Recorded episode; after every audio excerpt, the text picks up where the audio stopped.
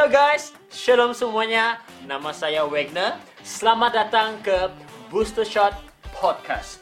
Di sini Anda akan mendengar perkongsian firman Tuhan yang singkat dari saya yang akan menyentuh mengenai kehidupan kita sehari-hari dan saya pasti akan membantu Anda bertumbuh dalam kerohanian Anda khususnya bagi Anda yang ingin melihat pekerjaan Tuhan terjadi di dalam kehidupan Anda sehari-hari.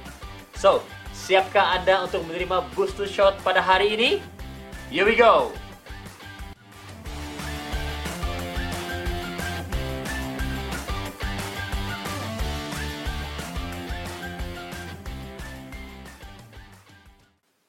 Pernahkah Anda mendengar istilah ini? You only live once. Dalam bahasa Melayu, Anda hanya hidup sekali. Adakah Anda percaya kepada statement atau pernyataan ini? Nah, kerana ramai orang pada hari ini, termasuklah orang Kristen, yang menggunakan pernyataan ini atau statement ini sebagai moto kehidupan mereka. Mereka hidup sesuka hati mereka, melakukan apa yang diinginkan oleh hati mereka, meskipun ianya bertentangan dengan firman Tuhan. Persoalannya, adakah mereka tahu akan tujuan hidup mereka? Pada podcast yang lepas, saya mengungsikan kepada kita bahwa hidup kita bukanlah suatu kebetulan.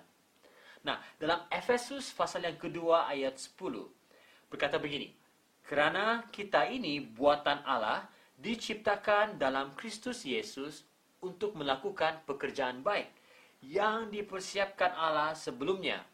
Ia mau supaya kita hidup di dalamnya. Ramai orang percaya bahawa Tuhan yang menciptakan manusia. Namun, ramai juga yang tidak sedar bahawa tujuan Tuhan menciptakan manusia adalah untuk melakukan pekerjaan-pekerjaan baik. Dan pekerjaan baik itu bukan hanya dilakukan sekali sahaja, namun harus terus-menerus dilakukan selagi kita masih hidup di dunia ini. Bagi saya, saya percaya akan kedua hal ini. Yang pertama, you only have one life to live. Anda hanya memiliki satu nyawa, one life untuk hidup, satu nyawa untuk hidup. Yang kedua, saya percaya kerana kita orang Kristen percaya akan adanya kehidupan selepas kematian, maka cara kita hidup di dunia pada hari ini sangat menentukan hala tuju kita selepas kita mati.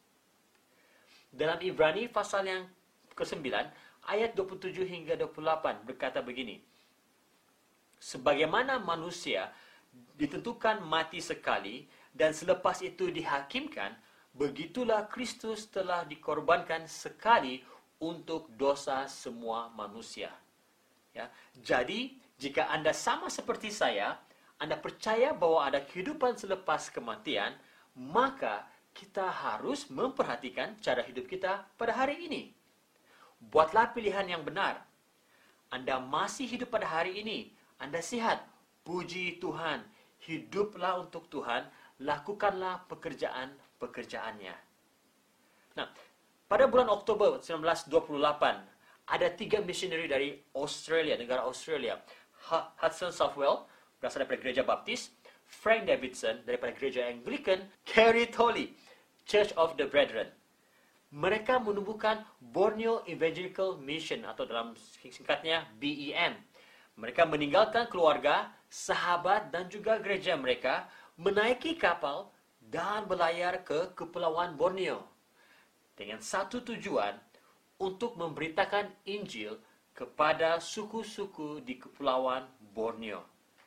Meskipun menghadapi uh, tentangan dan cabaran, mereka berhasil menyampaikan Injil kepada beberapa suku orang Ulu di kawasan Limbang dan Lawas pada waktu itu.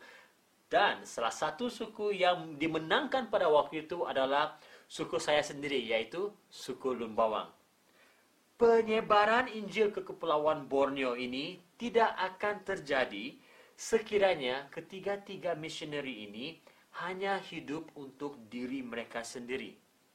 Sebaliknya, mereka mendedikasikan hidup mereka untuk suku-suku di Kepulauan Borneo yang belum mendengar mengenai Injil Kristus. Efesus pasal 5 ayat 15 hingga 17 berkata, Hiduplah dengan hati-hati, bukan seperti orang yang tidak arif, tetapi sebagai orang bijaksana. Dan pergunakanlah setiap peluang dengan sebaiknya karena ini zaman durjana. Dengan demikian, janganlah bodoh, tetapi mengertilah kehendak Tuhan. So guys, perhatikan hidup kita. Adakah kita hidup sama seperti yang Tuhan sudah tentukan? Atau kita hidup untuk diri kita sendiri? Jika Anda ada pertanyaan atau buah pikiran, pendapat berkaitan dengan apa yang saya kongsikan pada hari ini, sila komen dalam ruangan chat box. Saya siap untuk respon kepada setiap komen dan pertanyaan-pertanyaan Anda. Mari kita berdoa.